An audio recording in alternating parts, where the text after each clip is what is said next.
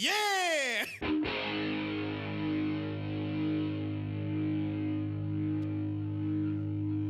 Kick it!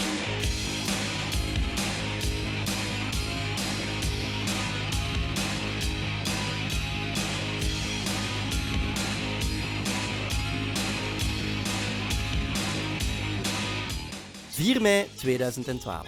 Na een lange strijd blaast zijn laatste adem uit. 47 jaar hij dan. 47 jaar waarin hij een enorme invloed uitoefende op zowel de rock als de hip-hopwereld. Zijn oorspronkelijke hardcore punkband, de Beastie Boys, zou immers bekend worden als een losgeslagen hip-hop trio. En dat allemaal door een uit de hand gelopen grap, waarbij hij wat rap had vermengd in een punksong. Een grap die aansloeg. Zowel het blanke punkpubliek als het zwarte hip-hoppubliek wisten hun sound wel te smaken. En niet alleen hun sound.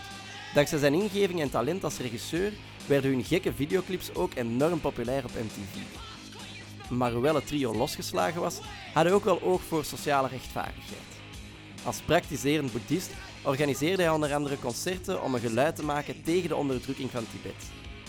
Maar ondanks de enorme stempel die hij drukte op de wereld, bleef hij bescheiden. Hij experimenteerde gewoon graag met muziek en als het kon, wou hij daar ook iets goed mee doen. Zijn naam? Adam Yauch, ofwel MCA.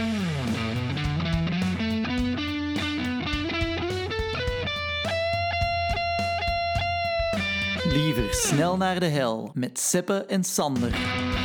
Welkom bij de nieuwste aflevering van Liever snel naar de hel. En in deze podcastreeks bespreken Seppen en ik nog steeds legendarische muzikanten die daar op eh, iets te jonge leeftijd gestorven zijn. Ja, ik zeg iets omdat we toch stilletjes aan steeds wat ouder aan, het- worden. Allee, of de- onze artiesten zijn steeds wat ouder aan het worden, precies. Hè? Ja, de, het publiek wordt breder. Hè, dus allee, we gaan ook wat oudere mensen gebruiken nu Ja. ook. Hè. Maar naar onze mening zijn ze toch nog, ook nog altijd te vroeg gegaan. Hè? Ze, ze, ze zijn niet uit ouderdom gestorven. Nee, Dus, ja, ze zijn nog altijd te vroeg gegaan. Nu, we zitten er al heel de tijd van naar te hinten, maar wie gaan we nu eigenlijk vandaag bespreken? dat is meneer Adam Yauch van de Beastie Boys, also known as MCA. Yes, Adam Yauch. Geboren op 5 augustus 1964 als enig kind Ja, in Brooklyn, in New York. En van een Joodse moeder en een katholieke vader, maar wel heel vrij opgevoed. En- ja, papa was architect, mama was sociaal werker. Dus een hippie gezin.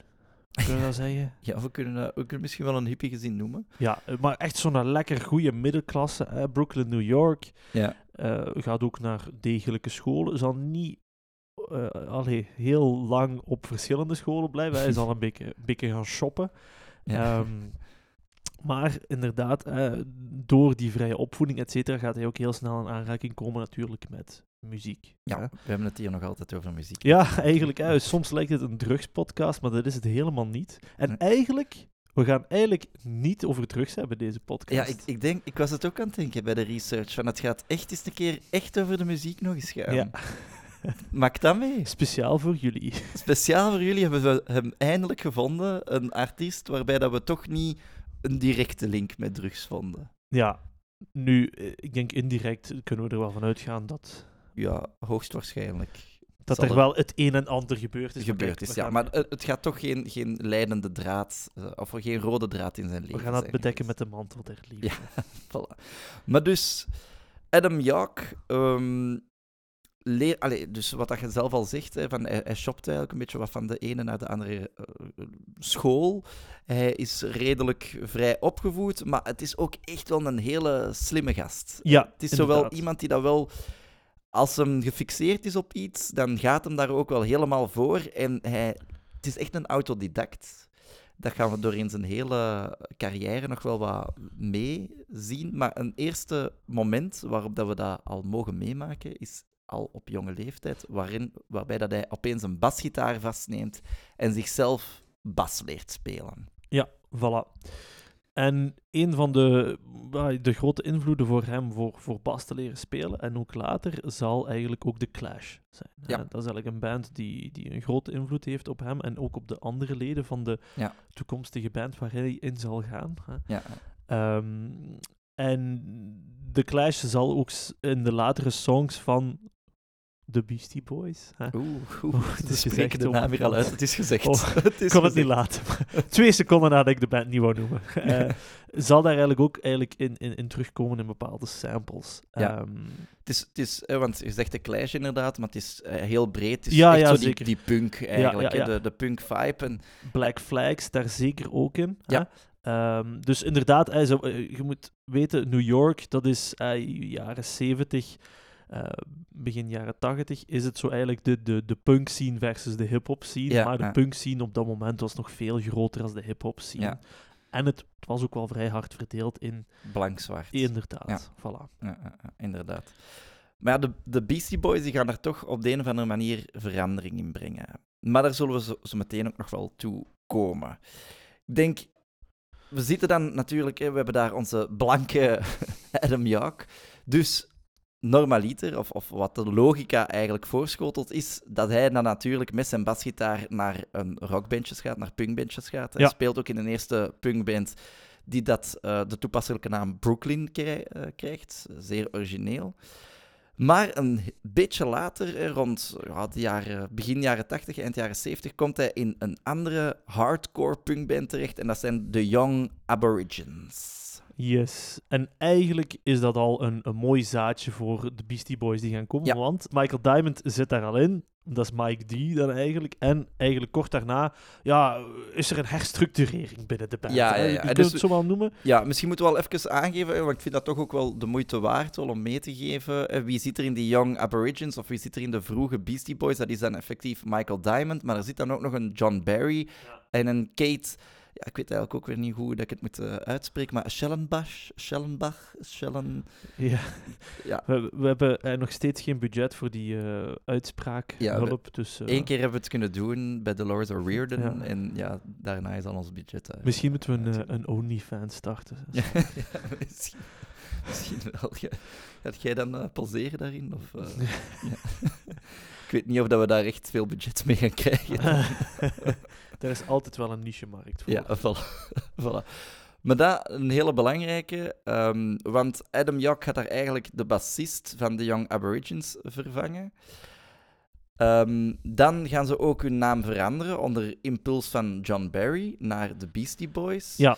En naar eigen zeggen zijn de Beastie Boys ook een acroniem. Ja.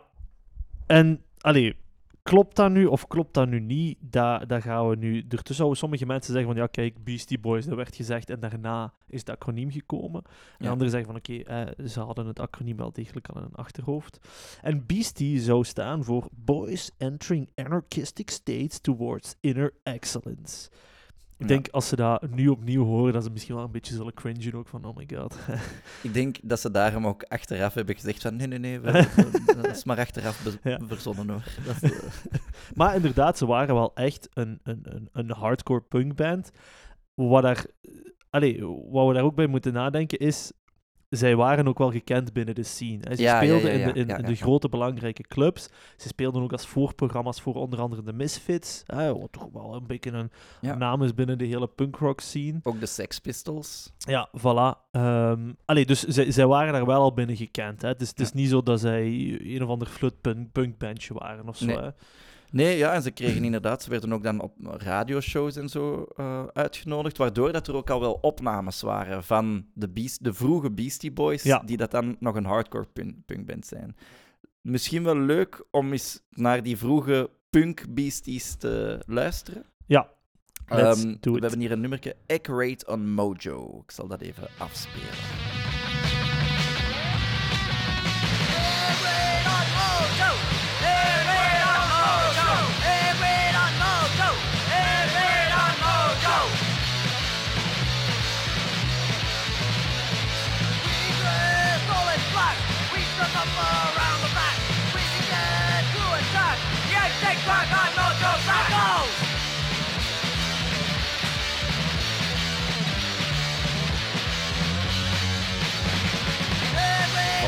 Mojo. Is ook een nummer dat maar een minuut en 22 seconden duurt. Dan weet Dus je dat echt de punk Dan is. hè. weten dat het echte punk is. En dat inderdaad ook niet meer inhoudt dan gewoon Rate on Mojo.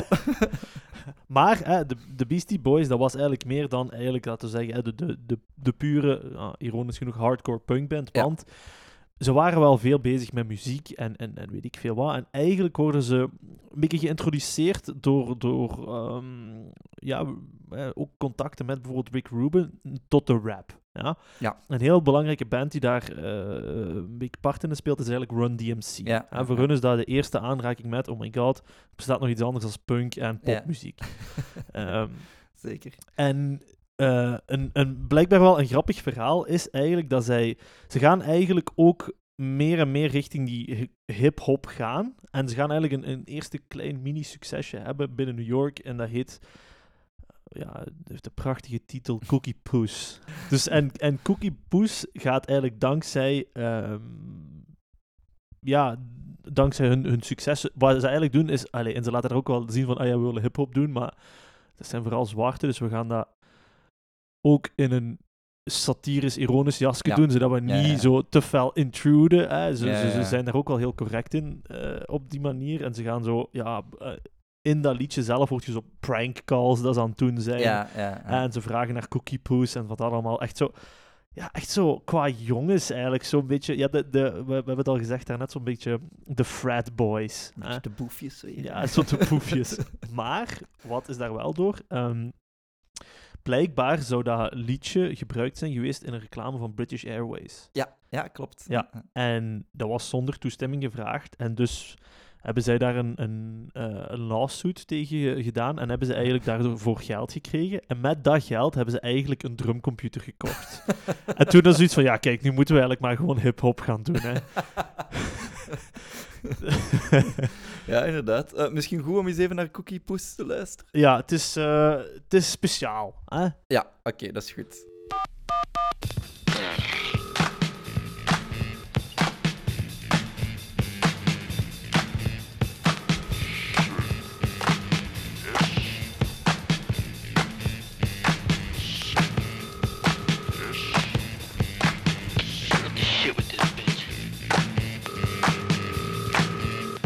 I said I'm calling you, babe.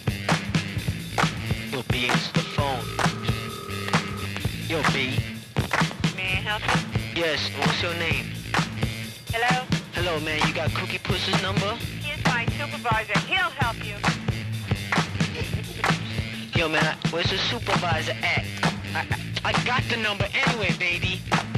Damn bitch, hang up on me. Are making me itch. Ja, echt geweldig. Ja. Inderdaad, een heel abstract nummer eigenlijk. Ja. Maar, ongelooflijk maar waar, is het wel echt ja, een, een hit eigenlijk een beetje. Hè? Het, is, het, is, het wordt heel, in de, ik zal zeggen wat in, in de, ehm, eh, ja, ik wil zeggen de community, maar zo wat onder de, onder de jeugd, wordt het heel hard wel zo gehyped en wordt het echt wel bezien als echt een heel tof nummer. En aangezien dat ze dan effectief dan ook nog eens een keer er heel, heel wat geld van gekregen hadden, denken ze ook van, ja, waarom zouden we Ja. nu niet verder op die hip-hop-kar gaan springen? Dus eigenlijk het hele hip-hop gegeven van de Beastie Boys, hè, want ze, ze, ze- eigenlijk later, als we daar naar terugkijken, worden ze ook altijd geprofileerd als een hip-hop band. Maar eigenlijk voor hen was dat een hele grote grap ook gewoon. hè. Ja, ja, ja. En ze, ze, het, het, het geweldige daaraan is, dat zij zich precies altijd zo net in het midden positioneren. ja, Zo. ja. Hè, ze willen niet... Ja, rap is ook wel gelinkt met, met de, de Afro-Amerikaanse cultuur. En daar willen ze ook wel niet te veel...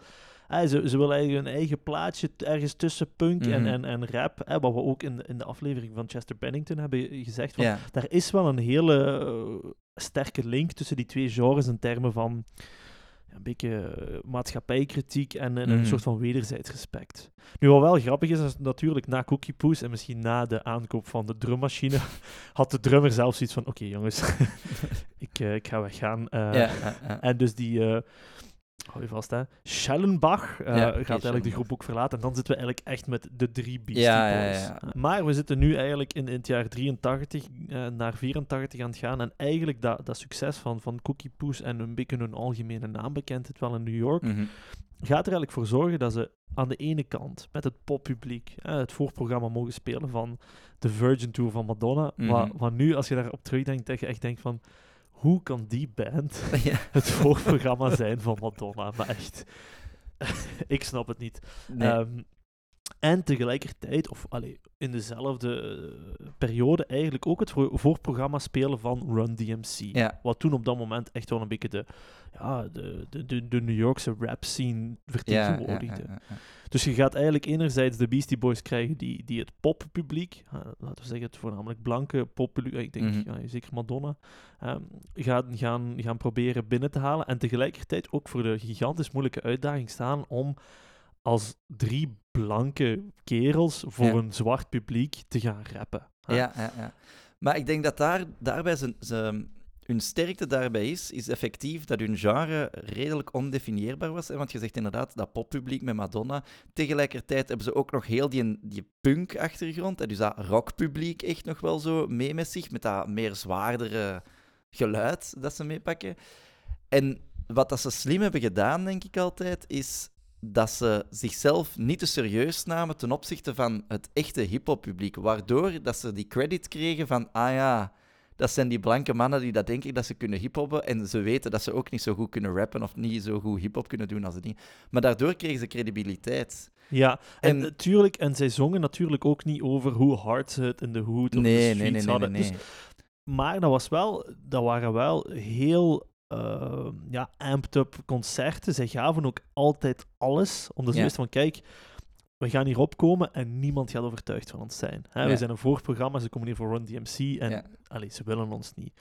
Maar aan het einde van een voorprogramma was dat altijd wel van, oké, super nice optreden. Ja. Gewoon omdat zij ergens mooi in die positie zaten van, kijk, boys just wanna have fun. Boys just wanna have fun. En dat werkte. En zij, zij zijn ook Ja. heel hard gerespecteerd door die, die zwarte rap community. Ja, ja, ja. hè. En ze, ze geven zichzelf dan ook hè, rappersnamen, zouden ze zo kunnen zeggen. hè. Want Ja. Michael Diamond wordt dan Mike D, Adam Horowitz wordt Ed Rock, en dan onze Adam Yauch, want we zijn hier nog, na- natuurlijk nog altijd Adam Yauch aan het bespreken, wordt dan MCA. Ja, MCA. En dat staat voor Master of Ceremonies Adam. Voilà, voilà. En het zal dus eigenlijk ook in, in 1985 zijn dat ze samen met Rick Rubin een album gaan maken. Hè? Ehm, nu, Rick Rubin, bekend van eigenlijk het, het label Def Jam. Op dat moment ja, is dat gewoon een universiteitsstudent die een beetje ligt te stinken in zijn kot. Hè? maar die wel graag een label wil opstarten. En je hebt dan de Beastie Boys samen met ook hè, MCA, die ook wel die punk en die rock achtergrond hebben. En die ook wel heel veel bezig zijn met, oké, die, die achtergronden van gitaar en muziek nog in samples mee te pakken. Ja, ja, ja. En dat is iets wat heel goed matcht ook met Rick Rubin, want Rick Rubin staat daar ook wel een beetje bekend voor dat hij eigenlijk bekende rock samples gaat verwerken in hip-hop liedjes. hè. Ja, zoals bijvoorbeeld bij Run DMC doet dat dan ook met, met Aerosmith en Walk This Way. Exact, exact. En ja. hij gaat dat eigenlijk ook doen bij de Beastie Boys, hè, samen met de Beastie Boys. Met eigenlijk ehm, een nummer waar je dat heel goed in hoort, is eigenlijk eh, Stealing and Rhyming. Rhyming and Stealing. Ah, ja. Rhyming and Stealing. Ja. Dat is hetzelfde. Eh, het grappige is dat dat Rhyming and Stealing heet en ze hebben ook geen toestemming gevraagd voor die samples. Dus Ja. eh, het is ook een beetje stelen. Ja. Maar welke samples zitten daarin? Dat is eigenlijk When the Levy Breaks van eh, Led Zeppelin. Ja. eh, Sweet Leaf van ehm, Black Sabbath. En eh, er zit ook een sample van The Clash in. Ja? Ja. Nu, The Clash was een band die ze kenden. Led Zeppelin en, en, en Black Sabbath, dat waren zo wat meer exotischere bands Ja. voor hun. Hè, dat was zo, oh, we luisteren alleen maar punk en, en, en Ja. Amerikaanse muziek. Dus hè, dat waren zo meer exotische dingen. Maar ze voelden heel fel, en, en, en MCA ook, dat de muziek van Led Zeppelin, dat je daar eigenlijk een melodie van kon maken. Ja, ja, ja. En je gaat dat heel goed horen in het liedje Stealing and Rhyming. Rhyming and Stealing. Damn it. Dus ik stel voor dat we daar eigenlijk ook een stukje naar luisteren. hè. Dat is goed. Rhyming and Stealing.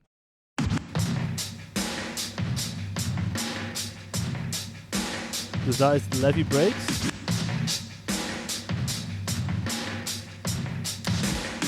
Ja. Dit is Sweet Leaf. En als je dan nu naar twee minuten gaat, Ergens? Dit. Voilà, dat is dat. Ah ja. Ah. Voilà, kei efficiënt gevonden. Super efficiënt. Ja. Nu, wat eigenlijk interessant is daarbij, of wat daar toch wel noemenswaardig is, is effectief dan die invloed van Adam hè. Want dat is iets dat we constant wel zien, en wat dan ook Mike D en Ed Rock altijd zullen zeggen, van het is Adam...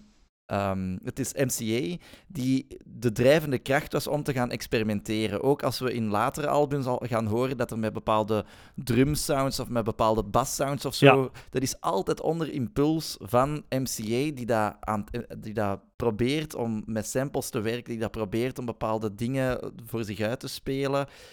En ja, ik denk zelfs dat we bijna kunnen zeggen dat als MCA er niet was geweest, dat de Beastie Boys nooit hadden gewe- geweest wat dat ze uiteindelijk zijn geworden. Ja, ze, na, de, na de dood van eh, MCA, want even spoiler, hij, Hmm. nee, hij sterft, Best- Ehm, wordt dat aan de Beastie Boys gevraagd van, ja, kijk, eh, als MCA er niet was geweest? En zij grappen daar ook over. Zo van, oh ja, dan zouden sowieso ook gewoon nog de Beastie Boys zijn geweest. Dus, Ja, allee, ja, ja. Maar zij, zij erkennen eh, zeker wel de impact van, van MCA. En ze hebben ook samen met hun twee, dus de overige Beastie Boys, hebben een boek geschreven over MCA. En vooral ook welke muzikale impact die op de Beastie Boys Ja, heeft gehad. ah. Alright, maar dus we zijn ondertussen aan het eerste album dan gekomen van de Beastie Boys. En dat is, zoals je er net al zei, License to Ill. Ja, inderdaad. En, en hier bij License to Ill krijg je ook weer zo ah, dat, dat deug- die deugenieterij van, van de Beastie Boys. Omdat het is al een paar keer gebeurd blijkbaar dat het album dan voorgesteld wordt door een presentator. En die zien ja, License to Ill, maar die ze zien in een brein, oh, het is License to Kill. Dus ze Ja. zeggen op tv License to Kill. En ja, oké, voor de Beastie Boys is dat dan weer een leuk mopje. Ja. Een haha. Maar waarbij dat License to Ill dan voornamelijk ook wel bekend, eh, of waar eh, License to Ill voornamelijk rond bekend komt eh, te staan, is het nummer Fight for Your Right to Party. Ja. Natuurlijk. You gotta fight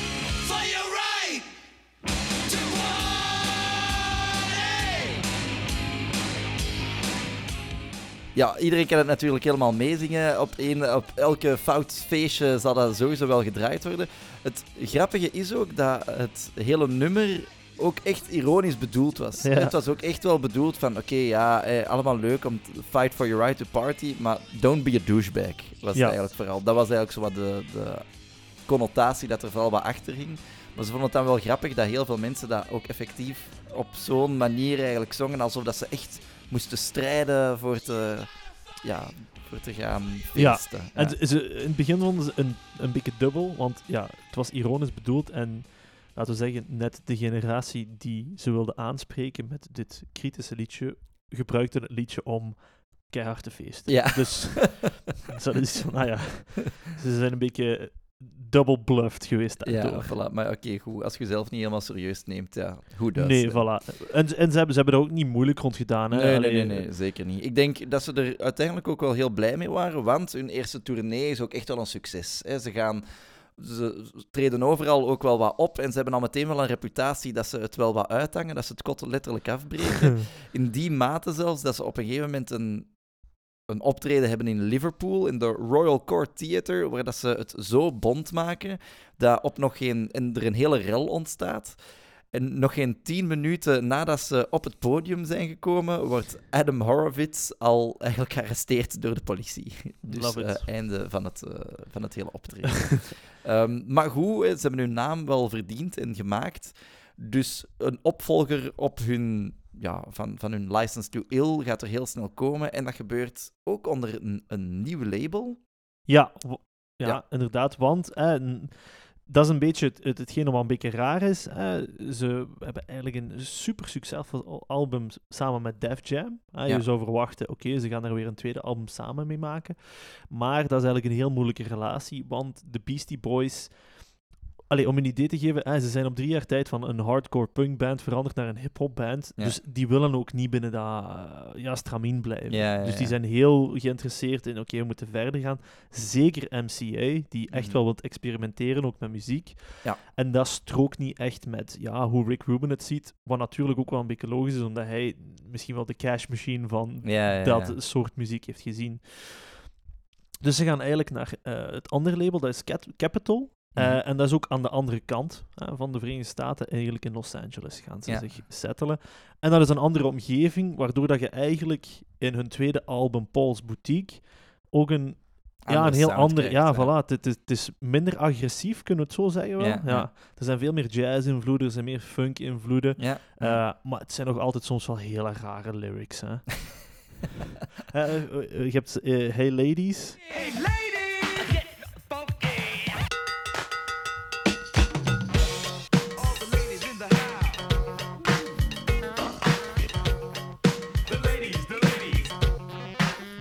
Eh, Ja. Is wel een tof liedje. Eh, Dat is misschien een goed voorbeeld, misschien ook gewoon wel van, het, van, van de meer experimentele vibe van ja, Paul's Boutique dan. ja, ja, ja, inderdaad. Het, het, het, is, het is softer, maar niet op een zachte manier. Nee, ja, ja. Oké, dat is echt heel... Dat is heel... dat is diep, jongens. Ja. Soft, maar niet op een zachte manier. Nee, maar eh, het wordt op dat moment ook niet zo heel goed onthaald. Achteraf wordt het dan wel weer bezien als een van de beste hip-hop albums die dat ooit zijn gemaakt. Omdat het zo experimenteel was en omdat het eigenlijk een inspiratie ook was voor heel veel hip-hop albums die dan later nog zouden komen. Ja, inderdaad. Nu, natuurlijk, we we zitten nog altijd met een Adam Yauch die dat ook fantastisch goed kan basgitaar spelen. Ja. En die passie is ook nooit helemaal weg geweest. Dus nadat hij eigenlijk het hele rappen wat onder de knie heeft gekregen, nadat hij ook het hele drumcomputer gegeven onder de knie heeft gegeven, denkt onze Adam, goh, wat als ik mijn basgitaar nu nog eens een keer terug boven pak? Wat als gevolg gaat hebben dat dan de Beastie Boys, nadat ze ja, een aantal jaar, toch, toch bijna een vijftal jaar, eigenlijk vooral met samples en met eigenlijk voorgemaakte, voorgeprogrammeerde muziek eigenlijk wat gaan spelen, opeens terug hun instrumenten bovenpakken en hun punkroots eigenlijk terug naar de voorgrond brengen. En daardoor gaat je natuurlijk ja, heel interessante muziek weer krijgen, wat voor Adam natuurlijk een, een walhalla was. Hè. Ja. Ehm, want ze gaan eigenlijk en die samples gaan integreren met hun eigen punk-achtergrond en dan krijg je weer van die bunk-nummers. Ze, ze komen dan in 1990, maken ze een nieuw album, Check Your Head. Daar- Daar nemen ze dan eigenlijk weer terug die, die, die instrumenten op. Gaat ook veel meer funky en zo zijn. Maar dan, in 1994, krijgen we dan weer een klepper van een album. Dat is Ill Communication. Eigenlijk zo vanaf dat ze zo... Ze hebben toch iets met het woord ill om de een of andere Ja. ja.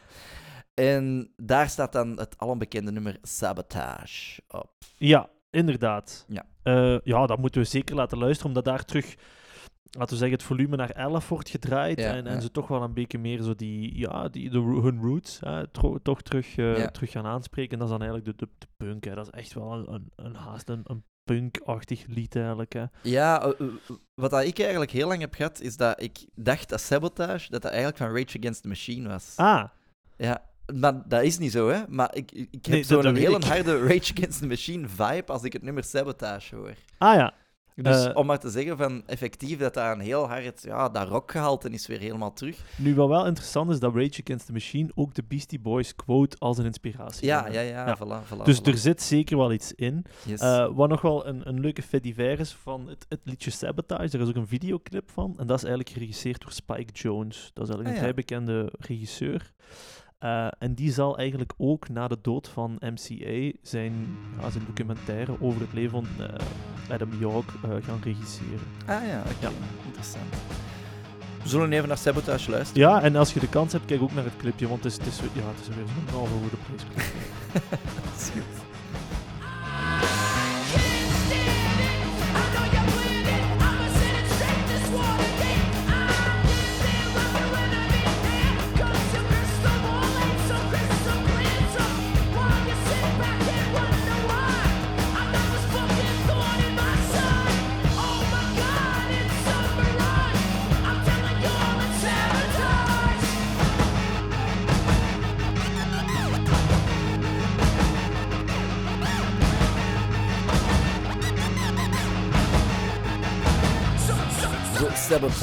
Nu, op Ill Communication merken we eigenlijk ook dat de Beastie Boys zelf ook wel wat volwassener aan, het worden zijn. Dus ze, ze hebben het nog altijd wel over hun, hun, hun punk-vibes en hun anarchistische lyrics zijn zeker ook nog wel aanwezig.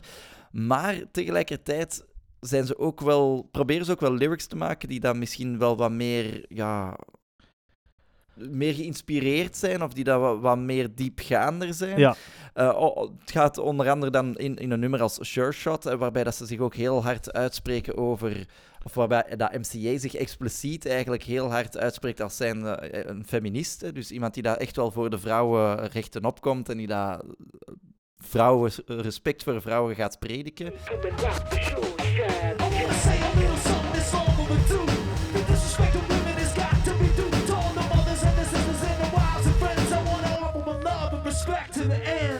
Waarbij dat hij ook een klein beetje zich afzet van een trend die dat op dat moment ook zeer hard in de hip-hop aanwezig is. eh, waarbij dat dan er wordt ge- gesproken over de hoes en de bitches en whatever. eh, waar gaat eigenlijk het tegenovergestelde. ja nu het is ook wel een klein beetje een mea culpa, want Ja. hè, er wordt ook al een klein beetje gezegd dat de Beastie Boys het, het hele e- erotische rap idee hebben geïntroduceerd. Want tijdens hun live shows waren er bijvoorbeeld strippers aanwezig in kooien en zo. Dus Ja. allee, eh, dit, dit is natuurlijk een beetje even van, oké, eh, we zijn volwassen geworden en eigenlijk willen we onze stem gebruiken om ook een positievere boodschap te ver- verzenden. Want dat is iets wat, wat MCA ook tijdens bijvoorbeeld eh eh, award-ceremonies zegt. Als Ja. hij de kans krijgt om te praten, zegt hij van, kijk, we, we moeten onze eh, bekendheid gebruiken om eigenlijk bepaalde dingen te veroordelen en om, om mensen te Ja. sensibiliseren. Hè.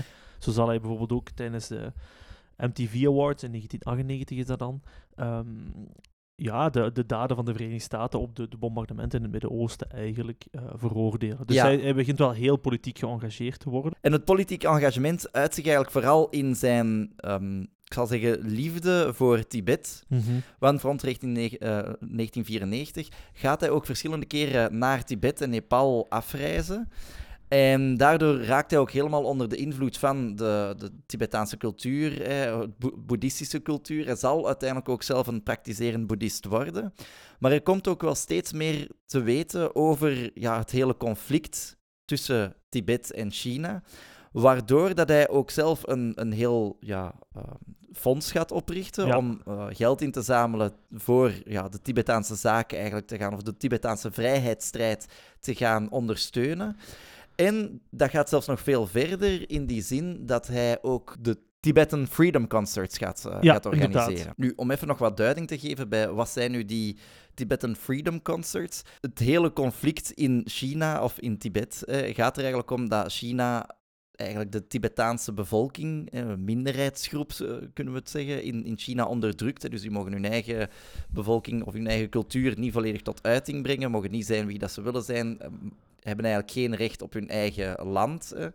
Dus daar worden allerlei ja, onderdrukkingsmaatregelen opgelegd. En daar gaat dan het hele Tibetan Freedom Concert op om daar En dat is al lang aan de hand. Hè. ja. We spreken over Tweede Wereldoorlog, Ja, dat eigenlijk voilà, al voilà, eh, aan de hand is. hè. En dat is eigenlijk eh, Adam Yauch die dat dan op dat moment zegt van kijk, er moet meer bewustzijn rond zijn. Eh, wij als westerse wereld, of wij kunnen daar verandering in brengen, dus we moeten eigenlijk zien dat dat weer terug op de kaart komt. En eigenlijk wordt er zelfs gezegd dat naast Live Aid, die Tibetan Freedom Concerts ook een van de grootste ja, concerts, eh, concerten zijn geweest om ja, zo een, een politiek, eh, ja, politieke bewustwording eigenlijk te gaan, eh, te gaan creëren. Ja. Maar ja, oké, hij bekeert zich dus ook tot het boeddhisme. En die hele mm, betrokkenheid in de Tibetaanse zaak, die hele betrokkenheid tot het boeddhisme, dat gaat ook zijn invloed hebben op de Beastie Boys zelf. Want hij gaat ook die sound van het boeddhisme, zou ik Ja, zeggen, ja, ja, ja, ja. inbrengen binnen, het, eh, binnen de Beastie Boys. Ja, voilà. En zo, zo krijg je eigenlijk ja, een, een wereldmuziektoets weer in een... ja, het begint haast een beetje crossover te worden, Ja, hè, de ja, Beastie ja, ja, Boys. ja, hè. Het is eh, veel samen eigenlijk. Hè. Ja, en een nummer waar dat we dat het best kunnen horen is de Bodhisattva Vow. Dus dat is eigenlijk een eed die dat je als boeddhist moet zweren. Ja, die heeft hij dan gewoon helemaal zo wat verwerkt in een, een nummer. We kunnen daar kort even naar luisteren.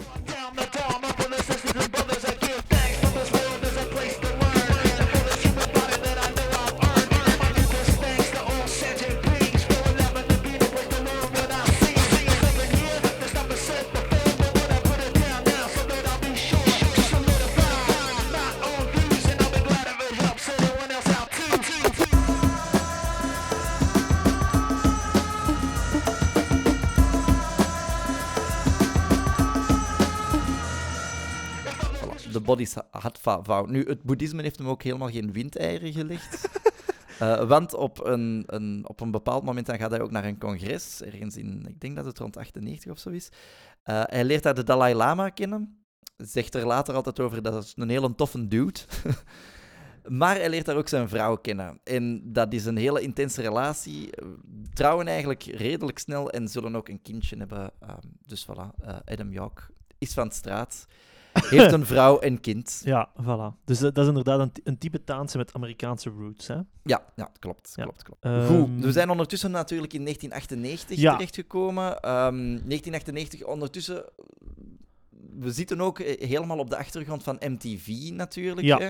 En wat is MTV? Wat, is, wat maakt MTV Of belangrijk? wat hè? was MTV? Wat was MTV? Hè?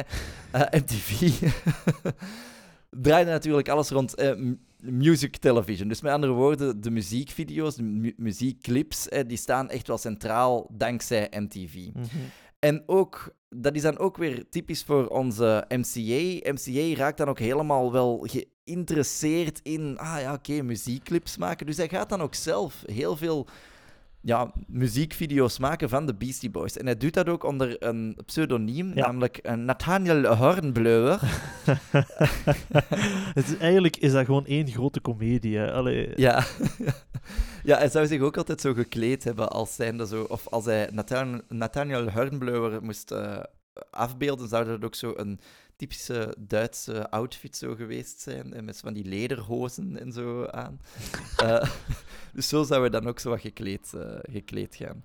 Maar hij heeft dan onder andere een, een, de muziekvideo van een nummer dat dan in, op eh, hun nieuwe album in 1998 komt, Hello Nasty. En dat is natuurlijk het nummer Intergalactic. Ja, en eigenlijk zal dat de grootste individuele single zijn, ook die de Beastie Boys uitbrengen. Ja, ja, ja.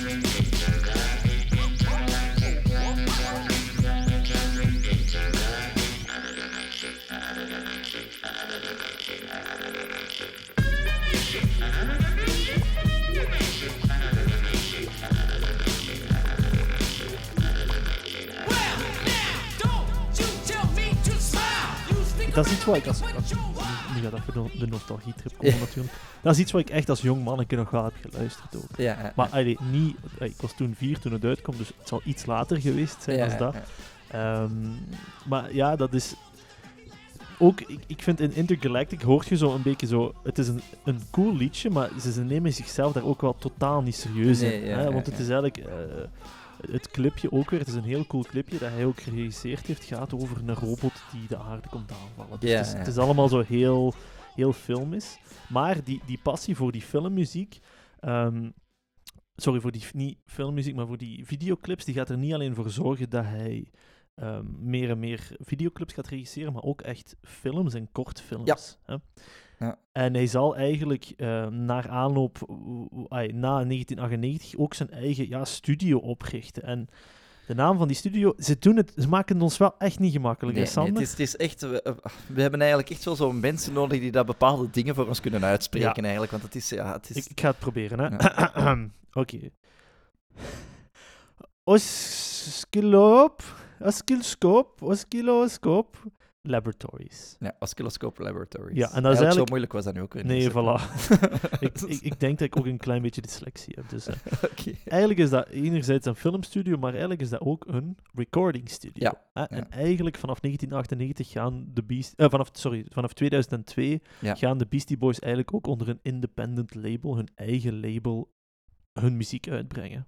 Eigenlijk op dat moment, het, het loopt echt wel supergoed. Hè. Met de Beastie Boys, we kunnen zeggen van... Dat ze is een welgeoliede machine. Ja, dat is een welgeoliede machine en ze doen letterlijk alles samen. En allee, het is vooral MCA, of eh, ze doen letterlijk alles zelf, wil ik vooral zeggen. Ja. En het is vooral MCA die dat daar de drijvende kracht achter is. Hè? Ja. Die dat zelf eigenlijk muziek maakt, die dat zelf mee, eh, ja, het hele idee van de Beastie Boys steeds meer vorm geeft. Dat zelf muziekvideo's gaat maken, dat concertfilmen ook gaat doen. Hij gaat daar ook op een gegeven moment gaan experimenteren. Je moet je dat voorstellen.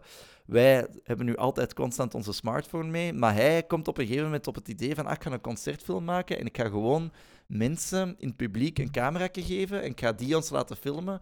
En al die beelden die dat ik zo verzamel, daar ga ik met een concertfilm mee maken. En dus, om maar te zeggen, de MCA die blijft eigenlijk maar experimenteren. Ja.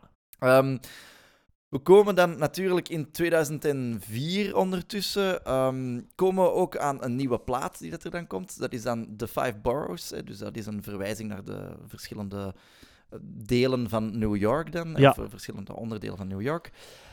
Nu, we zitten dan ook in 2004 en ja, wij, wij kunnen ons daar ondertussen al wel wat voorstellen, oude rakkers dat we zijn. hè. Eh, maar rug. wat dat een interessante periode in de muziek eigenlijk ook is. Hè? Want op dat moment begint ook steeds meer die, die offline downloads en zo. allee, of- De of- offline downloads. Sorry, de ja. online downloads eigenlijk beschikbaar te worden. Ehm, waardoor dat eigenlijk CD's steeds beter beschermd moeten worden. CD's worden ook op de computer gezet, daar worden eigenlijk nummers van afgehaald. Die worden dan online ter beschikking gezet, waardoor dat die gemakkelijker eigenlijk verspreid raken. Dus wat doen de Beastie Boys? Hoewel dat ze eigenlijk heel vaak ook wel nummers gewoon gratis ter beschikking wel ook hebben, hebben gesteld. Want ze hebben daar ook wel mee natuurlijk mee geëxperimenteerd. Hebben zij ook gezegd van oké, goed, onze cd's moeten we natuurlijk ook goed gaan eh, beschermen. Dus die hebben daar een soort van copy protection. En ze zijn een van de Ja. eerste, ja, misschien niet de allereerste, zeker niet, maar ze zijn toch een van de eerste die dat daar wel ook wat met die copy protection gaan, gaan werken. Zodat je niet zomaar je nummers, ja, dat die niet meer zomaar van je computer kunnen worden afgehaald. Nee, voilà. Dus eh, eh, heb Ja. je dat vroeger gedaan? Zo LimeWire en Capaza Ja. en zo? Nee, nee, ik heb dat nooit gedaan, Seppe. Ah, oké, want eh, Zeker nooit. Nee, nee. de politie staat hier voor de deur. hè. Ja, ja, mijn papa is politie. ja. Ah ja, Dus- mijn papa. Oh. Mijn papa zit niet bij de politie. Nee. voilà. Om maar te zeggen, er werd eigenlijk allemaal zo goed beschermd. Waardoor dat er op een gegeven moment een soort roddel de ronde ging. Dat er op de CD's van de Beastie Boys spyware stond. Dus als je die in je computer zou steken, dan zou een spyware-virus zich op je computer verspreiden en dan konden de Beastie Boys u afluisteren Oh nee. en al uw data gebruiken voor allerlei zaken dat iets doen. nu, ja, uiteraard hebben de Beastie Boys gezegd van, eh, nee, dat is niet waar. Nooit iets opgestaan. Ja, er staat een copy protection op, that's it. Maar dat is nu niet zo speciaal dat dat erop staat. Maar goed, ehm, op zich was dat niet erg voor hen, want het heeft hen toch ook maar de nodige publiciteit opgebracht. Ja. dan. Inderdaad. En dan gaan we eigenlijk verder naar 2007. Dat is The Mix-Up. Eh, dat is een album dat ik zelf eigenlijk niet heb geluisterd. Dus ik ga eigenlijk gewoon nog even babbelen om u dan gewoon aan het woord te laten. Want jij hebt dat wel geluisterd. Sam. Nee, ja. eh, is dat 2007 al? Of is dat... Ja, Dat is is 2007. Ja, dat is 2007. eigenlijk wel ook nog interessant. En er is ook weer MCA die dat eigenlijk gaat zeggen van oké, als we nu eens... We zijn de hele tijd wel aan het rappen en zo. Als we nu eens onze rap laten vallen en de muziek voor zich laten spelen. En dat is dus een album, de mix-up is een volledig album dat puur instrumentaal is. Ja. Ik heb er zelf ook naar geluisterd. Ik vind, dat, ik vind dat echt fantastisch. Ik vind dat echt zalig. Dus ik eh, wil het u alvast aanraden. Luister daar zeker naar. Dat is heel leuk om gewoon op de achtergrond ook wat, wat naar te luisteren. Maar dat is ja, dat, ja, tof om naar te luisteren. Ja. Maar goed, meer kan ik er ook niet over zeggen. Dus laat ons ineens naar eh, de laatste fase eigenlijk wat gaan. Dat is 2009. Rond 2009 plannen de Beastie Boys van oké, goed, we gaan een nieuw album maken. Ja. Hot Sauce Committee. Maar... Dan ja, wordt er eigenlijk bij onze goede vriend MCA lymfeklierkanker vastgesteld. Ja.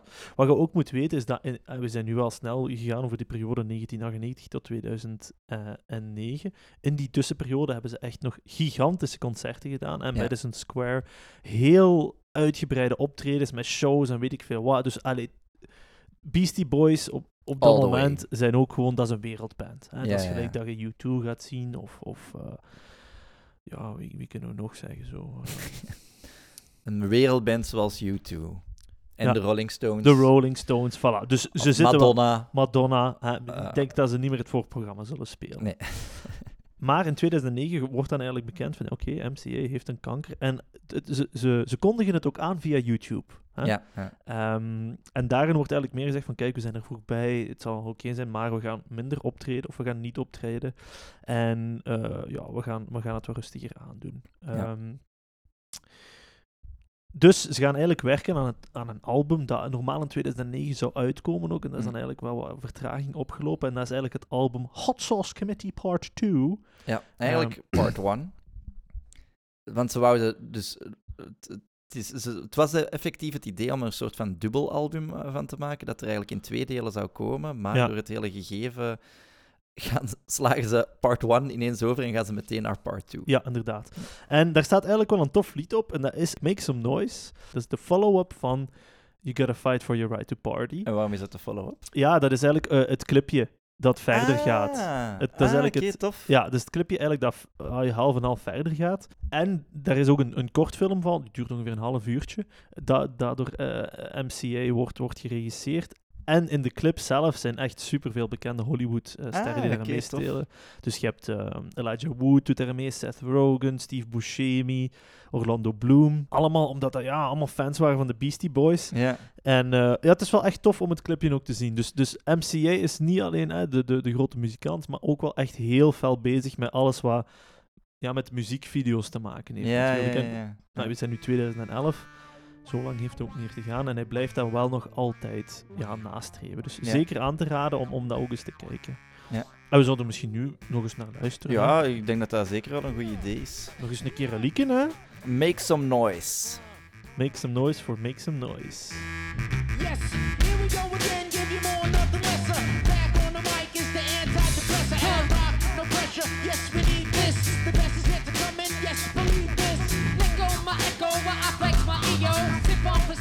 dressed up tuxedos in my coffin playing Keno in the casino.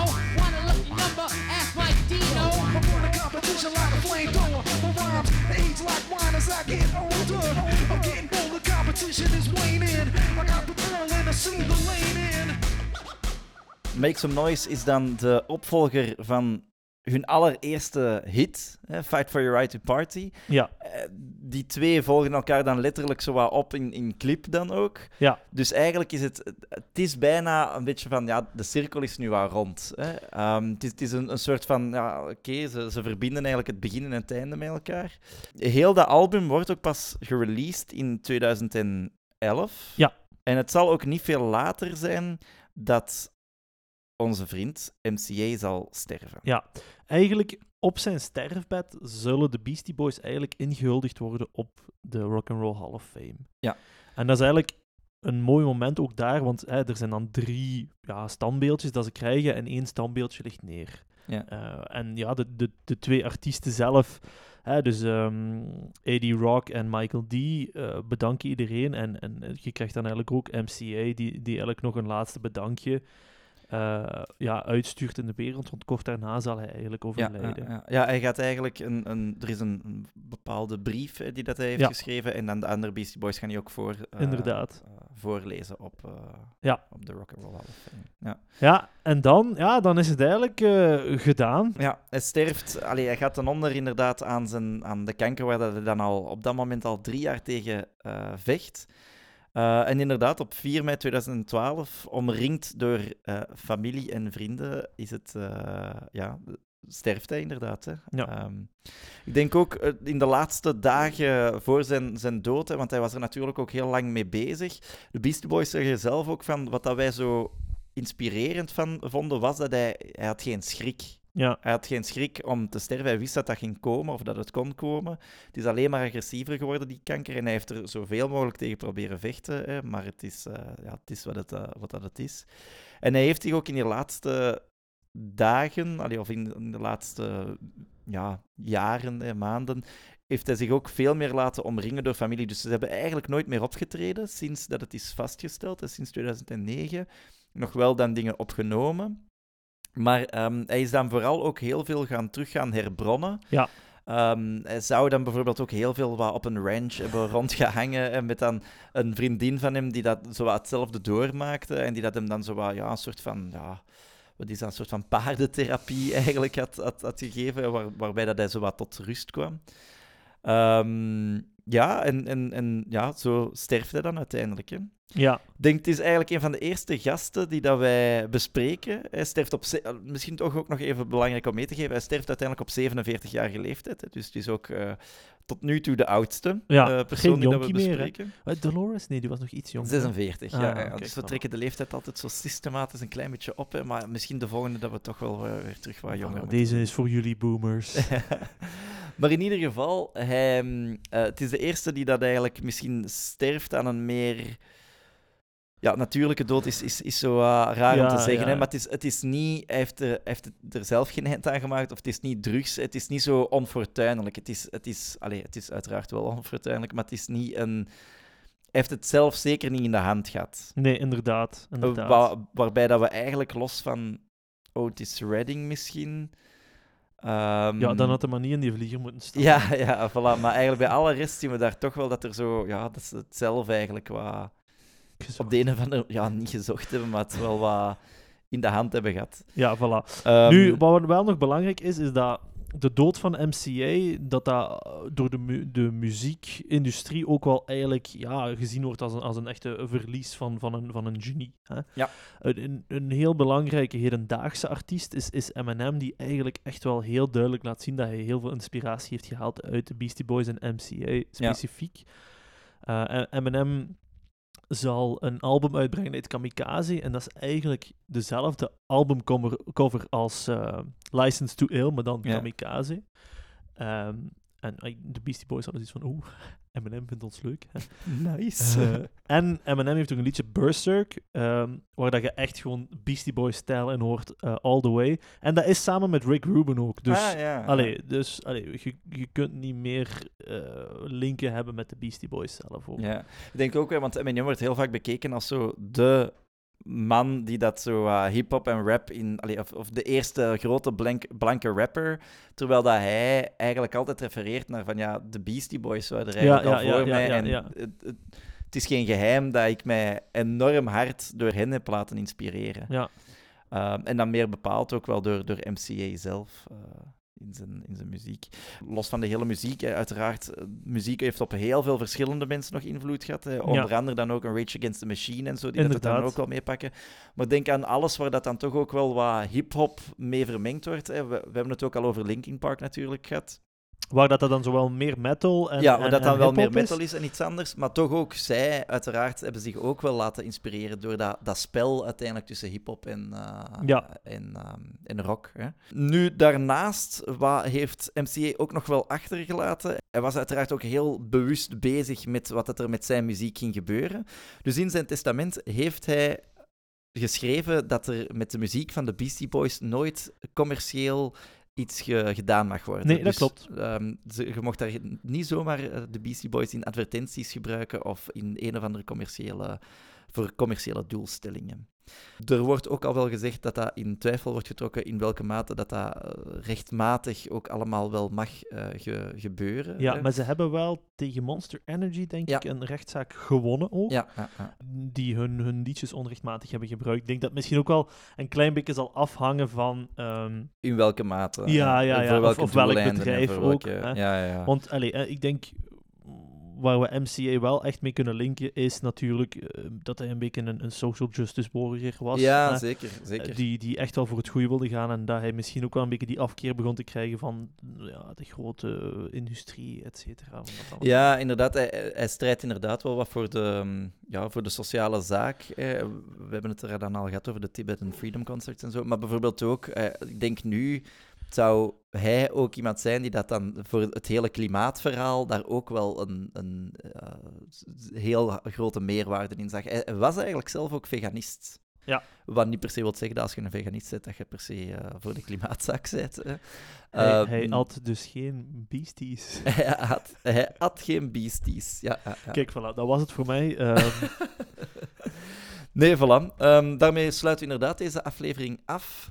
Ja, ik vond de Beastie Boys, ah, wel, dat, ga, dat is nu iets waar ik echt wel terug meer ga luisteren. Ja, ja ik, ik vond het ook heel leuk. Ik vond het ook heel leuk. Ik vond, het, ik vond het schitterend.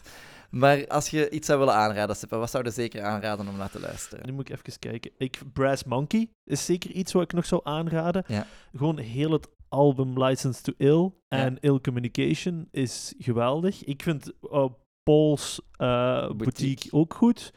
Is iets anders, maar zeker niet slecht. Bij Paul's Boutique inderdaad Hey Ladies, ook een tof lied. En kijk ook zeker naar de videoclips Ja. Van de Beastie Boys.